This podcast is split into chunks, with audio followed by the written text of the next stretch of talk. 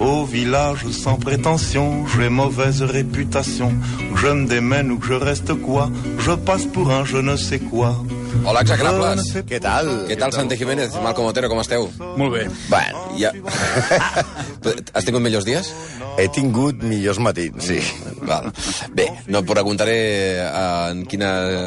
En, en, Va, tu pots en, quin lloc, en quin lloc eres ahir a la nit. En tot No, cas... no, ahir, ahir de casa. Ah- Ahir a, a, No, a, no, a, que ve casa, eh? ve d'abans. Ve d'abans, bé. Doncs no, no desastre. En, en tot cas. Um, Però mira l'ell, que està. El, el, el Malcom està magnífic, i, és, a- i està a l'estudi, vull dir que, que no està volant per aquests mons de Déu, vull dir que tot, tot, tot perfecte.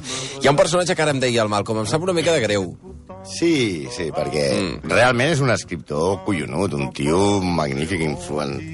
que ha influenciat tota la literatura del segle XX per tot arreu.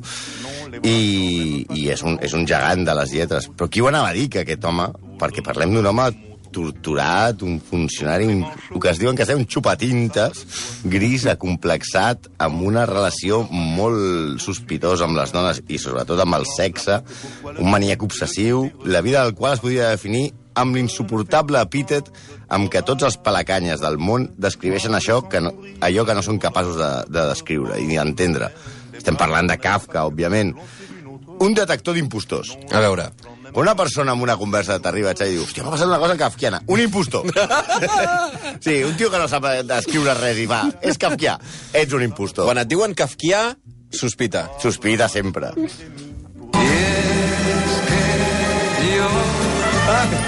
Amo la vida y a buen amor.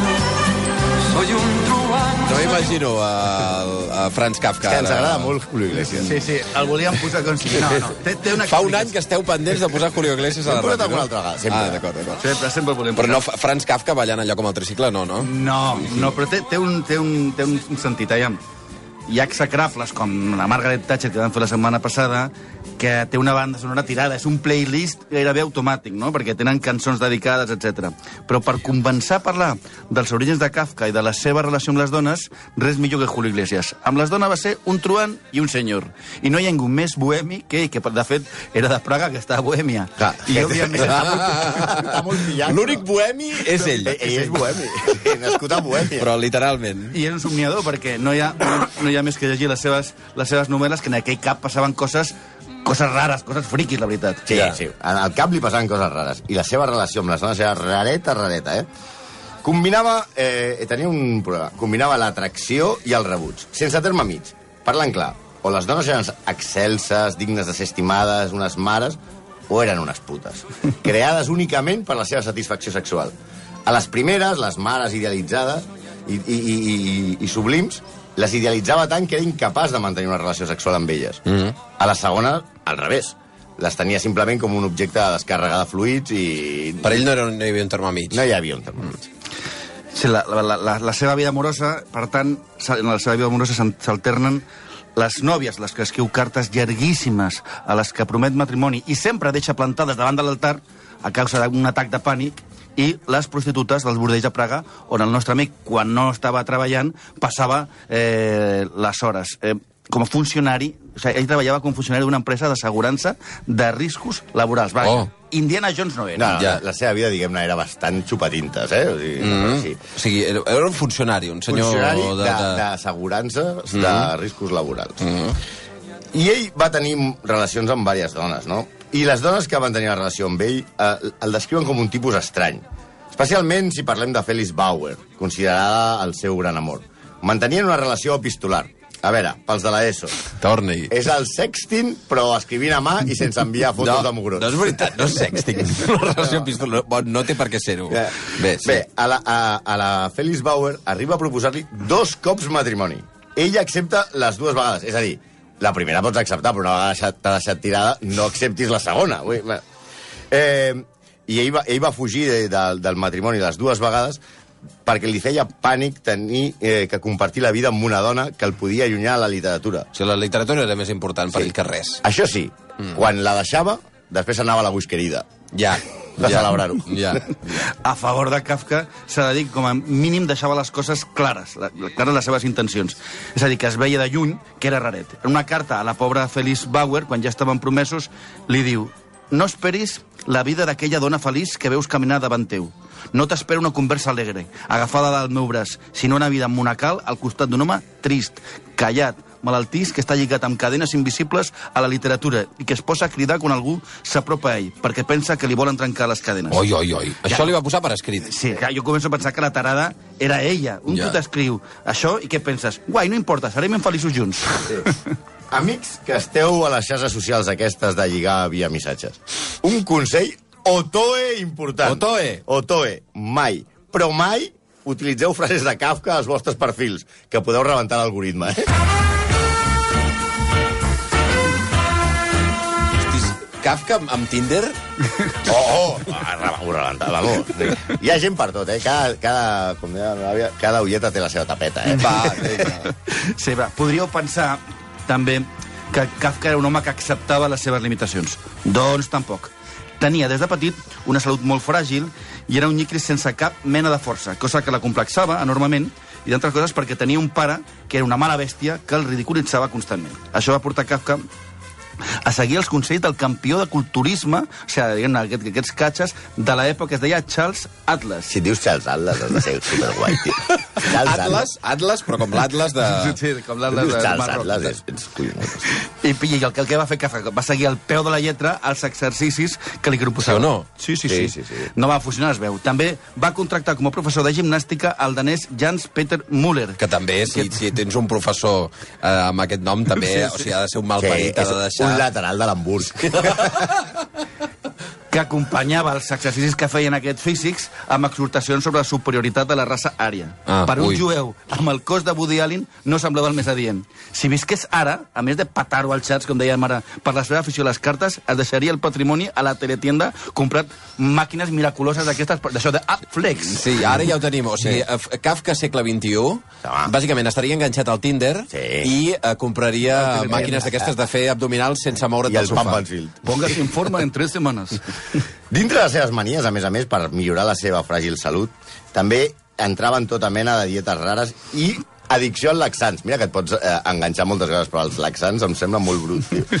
Cosa que posava dels nervis al seu pare que va deixar fins i tot de menjar a la mateixa taula que Franz quan aquest es va apuntar al fletxerisme. Què és el fletxerisme? us Fletxerisme. No tenia ni idea, jo tampoc, fins que ho vaig mirar. És un corre era un corrent instaurat eh, per un metge anomenat Horace Fletcher, mm. conegut a l'època com el gran mastegador. Un senyor que recomanava mastegar 70 cops els aliments abans d'ingerir-los.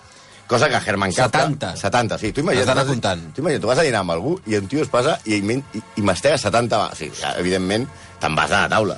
Sí. Eh, Herman Kafka, el pare de la criatura, el posava als nervis, aquesta actitud del seu fill. Nosaltres, que quedi clar, estem en contra de colpejar els nens, eh? Però No, clata- però- però un no, però un no, però un no. clatallot al Franz Va. no li hagués anat malament, Va. eh? I menys mal que el senyor Kafka sènior no viatjava amb el seu fill, perquè una altra de les manies de, de Franz era revisar i netejar els matalossos de tots els hotels on dormia, Ah. perquè també tenia por i pànic als microbis. En part, s'entén tot aquest temps que, que passava als bordells, perquè, clar, si abans de cardar has de mirar el llençol... clar. per favor. I a més a més, realment eh, ell, ell tenia mala salut, eh? va morir als 40 anys afectat de tuberculosi, però a més a més eh, era un hipocondríac eh, brutal. Al llarg de la seva vida es va queixar de migranyes, insomni, estrenyiment, dificultats respiratòries, reumatisme, furúnculs, eritemes, alopècia, problemes amb la vista, deformitat d'un dit del peu, que em sembla fantàstic, sensibilitat aguda als sorolls, esgotament continu i picós. És a dir, podia jugar al Barça de bàsquet, clarament. Segurament la seva feina com a gerent de l'Institut d'Assegurances Laborals de Bohèmia influïa en el seu estat d'ànim. Era una feina que li permetia tenir molt temps lliure, que és el que volia, però que per contra l'obligava a passar gran part del temps dibuixant dits amputats per documentar maquinàries defectuoses. Gairebé jo crec que era normal, Sí o no? perquè en aquesta feina no m'estranya que no sortís. Charles Manson. Clar, dins de la seva feina, ell, el que ell feia era docu- documentar les lesions per, per veure si Clar, hi i havia com no, podia, no hi havia per fer fotos, ell dibuixava eh, el El tio que havia ficat la mà al taler, el mà, la mà al taler i... havia- Com- De fet, diuen que fins Notari i de les lesions, tot... Sí, no? fins i tot és el primer que la idea de portar casc a les obres és Sí. seva. Sí o no? Sí, sí, es veu que sí. Això, com a mi li van donar un premi per això. No sé si va ser el primer, però sí que ho va recomanar. Mhm. eh, eh, eh, amb una... A, a, a, parlant d'aquesta feina que tenia, ell tenia un amic que es diu Max Brod, que va ser el seu editor, després parlarem d'ell, i ell li explica la seva feina en els següents termes. No saps la feinada que tinc. La gent cau de les vestides com si anés beguda. Acaba dins de les màquines. Els taulells cedeixen, les parets cauen, els esglaons rellisquen. Totes les coses es posen a, que es posen a les alçades acaben per caure a terra. I quan estan al terra fan que la gent ensopegui. I totes les dones de les fàbriques de porcellana no fan res més que caure per les escales fent molt soroll. Tot això em fa venir molt mal de cap. Que el seu dia a dia era bàsicament això. Tenia un punt d'humor bastant eh, Ah. catxondo, perquè eh, el dia, en el seu diari, el dia que es declara la Primera Guerra Mundial, Sí. diu, eh, ell escriu, eh, avui s'ha declarat la guerra, per la tarda he anat a nedar. Sí, entre humor i tarat. Sí, sí. Tot i així, tot i així, Kafka també tenia dies interessants a l'oficina, com si li va presentar un dia, si li va presentar la seva, la, al, al despatx la mm, Felice Bauer, que hem parlat abans, la seva nòvia, que davant de tots els empleats va llegir en veu alta les cartes que Kafka li havia enviat a la seva millor amiga, Gret Bloch, en la que li feia el salt. I no només el salt, sinó que, segons deia ella, li havia fet un fill, cosa que ell sempre va negar. Perdó, per, o sigui, es va adonar que li havia estat infidel, va agafar totes les cartes i va anar-li a llegir a l'oficina. Sí, davant dels empleats. Un, un, un numeret d'aquests bastant... És com si ara- I, tot i Brutal, així, eh? I tot i així... Gran moment, eh? Va acceptar dos vegades casar-se amb ell. Però a posteriori... Bueno, això no, No, no, no, però és com si es presenta aquí la meva dona i llegeix cartes que- que... jo li envio una senyora a la ràdio. Després, ¿me puedes dejar el móvil que te miro los mensajes? Ah, exacte, exacte. Eh, uh, L'afició de, de, de Kafka per buscar nòvies als cercles socials que freqüentava també li va portar més problemes.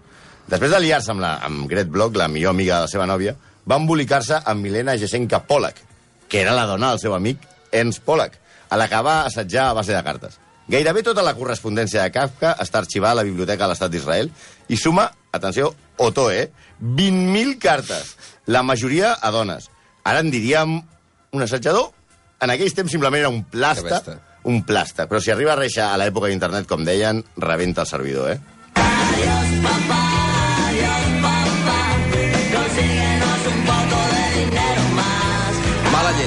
mala relació amb el pare. Sí, sí, jo pensava que la relació amb el seu pare va, ser, va marcar la seva vida. El seu pare el despreciava perquè no tolerava que el seu fill no progressés a l'escala social i fos una persona dèbil.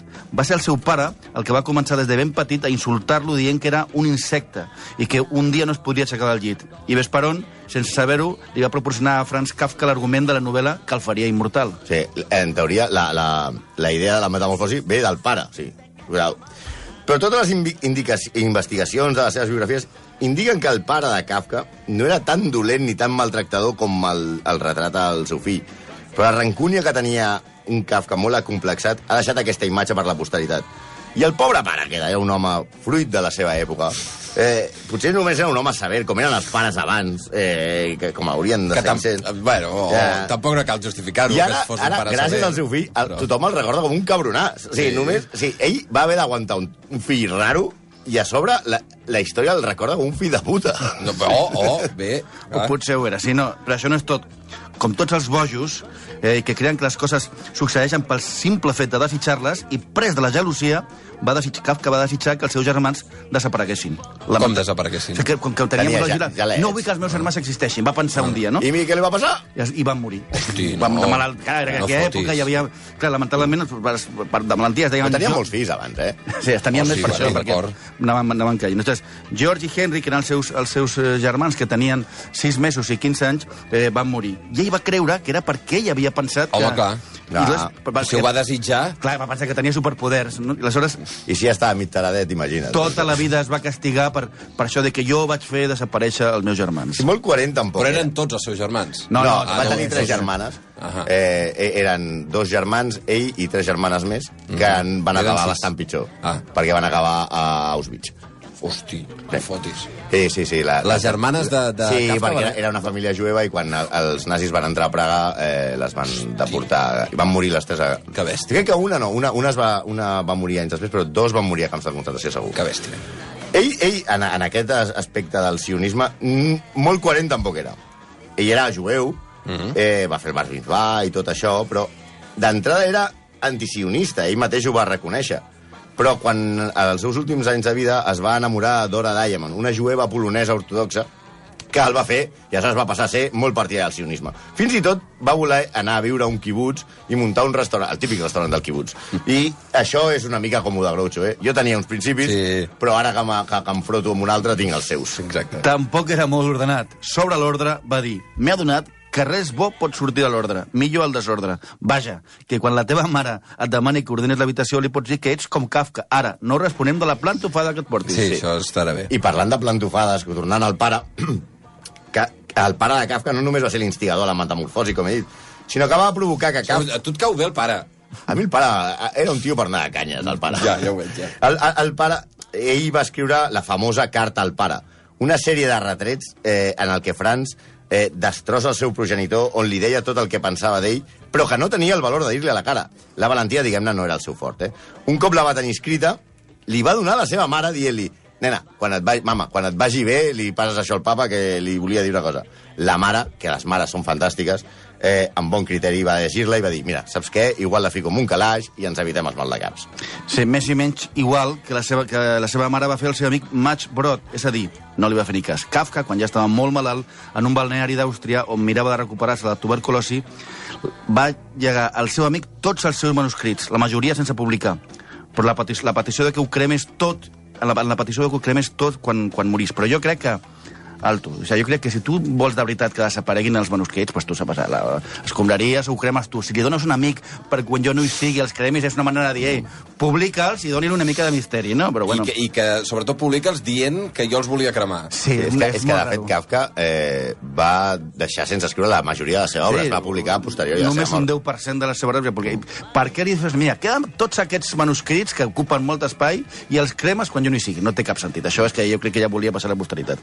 En qualsevol cas, Max Brod no li va fer cas, no els va cremar i va preservar el llegat d'un dels escriptors més influents del segle XX, que va tenir una vida bastant menys interessant que la seva obra. Una vida, com dirien tots els inútils, kafkiana. Um, uh, de, de cara als oients, hem perdut una tradició que fèiem la temporada passada, que és que els oients també proposaven uh, noms que els hi cauen malament perquè li busqueu les pessigolles. Per tant, si els oients ens volen enviar a través de via lliure arroba recu.net, per Twitter, per Facebook o per Shooter, uh, tenen, uh, vaja, uh, l'espai perquè el I si, i si ells assumeixen les costes legals, cap problema. Dos quarts d'onze del matí. Gràcies, Malcolm. Gràcies, Santi. A vosaltres. Tout le monde viendra me voir pendu, sauf les aveugles, bien entendu.